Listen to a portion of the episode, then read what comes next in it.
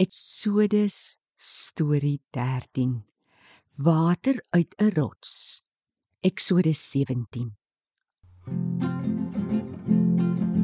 Lekker lekker storie tyd. Die Bybel vat ons ver en wyd. 'n Stories van die ou ou tyd oor God se liefde vanaf daardie tyd. Sy liefde loop deur ons eie tyd tot Jesus kom vir die ewigheid.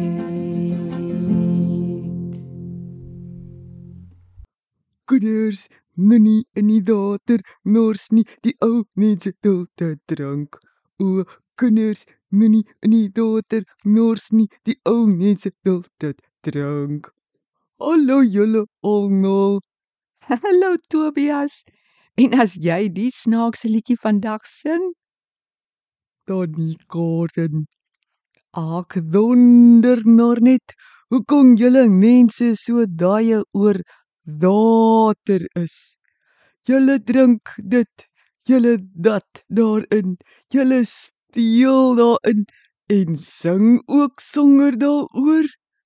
Hoekom is water so belangrik? Tobias, ek dink die maats weet dit baie goed. Geen lewende ding op aarde kan sonder water nie. Ons almal het dit nodig. Anders gaan ons dood. Sjoe, regtig?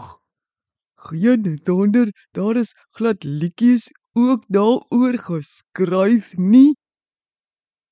Danny, daar daar in die duiwel ook daai van water getraat. Ja, vreeslik baie. Ek sal graag vir julle wil vertel wat Jesus oor water gesê het. Maar eers wil ek vir julle 'n waterstorie vertel wat gebeur het toe die Israeliete van Egipte na Kanaan getrek het. O, ek luister. Die Here het mooi vir die Israeliete gesê waarheen hulle moet trek.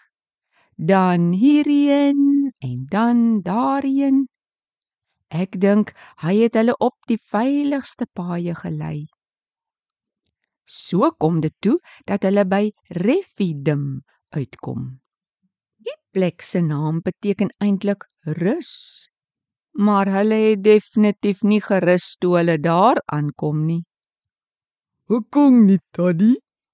Julle Die eintlike probleem was dat daar glad nie water was om te drink nie. Die mense raak toe regtig dors. Die groot mense, die kinders en ook al die skape en bokke. Nog 'n dikkie. Die Israeliete het nos al geleer, hulle moet op die Here vertrou. Hulle moes dit en vir water vra. Jy is reg, Tobias. Maar ek dink hulle het bietjie vergeet. Om die waarheid te sê, hulle het gedink: Is die Here regtig by ons? Of is hy dalk nie? Die mense raas toe met Moses. Gee jy vir ons water om te drink? Moses vra toe hoekom hulle met hom rusie maak en hoekom vertrou hulle nie op God nie?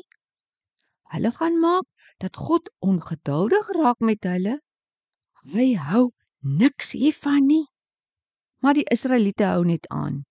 Moses, waarom het jy ons uit Egipte laat trek?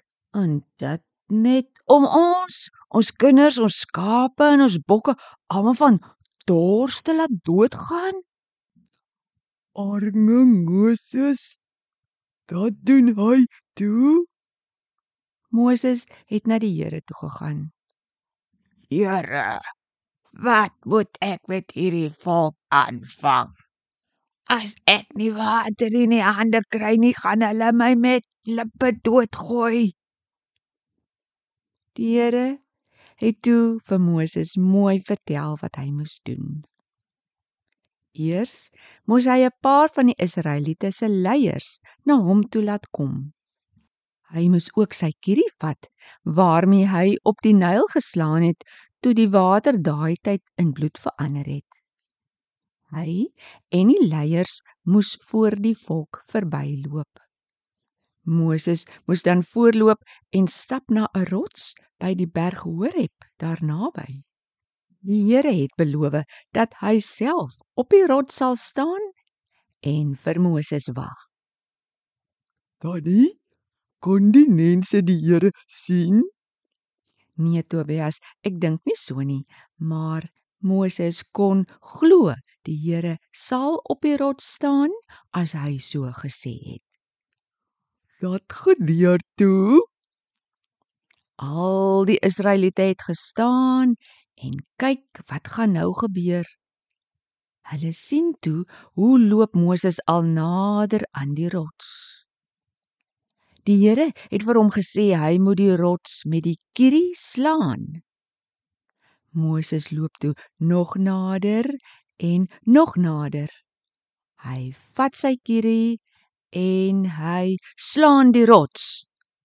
Ho! En toe, Tobias maats.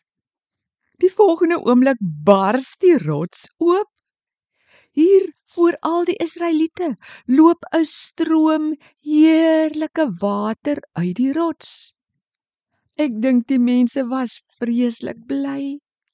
Hulle het almal dadelik nader gestaan om te drink van hierdie wonderwater wat uit die rots gekom het. wonderlik, fantasties. Ek het mos gesê hulle moet dit. Ja, die Here het weer voorsien, net soos hy beloof het, hy sal. Moses het die plek toe 'n naam gegee.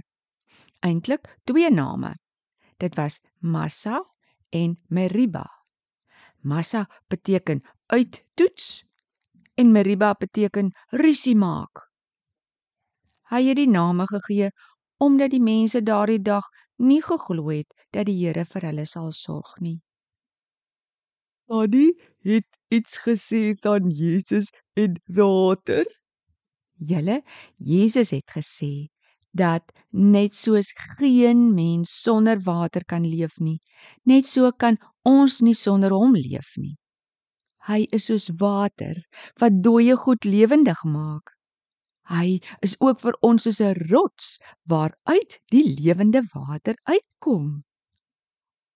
Hoor dit Daddy. Lyk nou alles dat in die eerste deel van die Bybel gebeur het en dat God gevra het, wys vorentoe in tyd na Jesus toe. Ja, jy is doodreg. Ons wat nou leef nadat Jesus op aarde was, kan so duidelik sien hoe alles in die eerste deel van die Bybel eintlik al oor Jesus gaan. Dit wys so mooi hoe ons nie sonder hom kan leef nie. Dankie Daddy vir vandag se water uit 'n rot storie. Dit maak my so opgewonde oor Jesus. Ek dink ek wil nou groet. Ek gaan gou na my naadjie toe hardloop. Dalk kan ek en hy water uit 'n rots, water uit 'n rots steel. En dan praat ons ook sanger met Jesus. Maats, julle kan ook. Totsiens julle. 'n Goeie plan Tobias. Totsiens, totsiens. thank you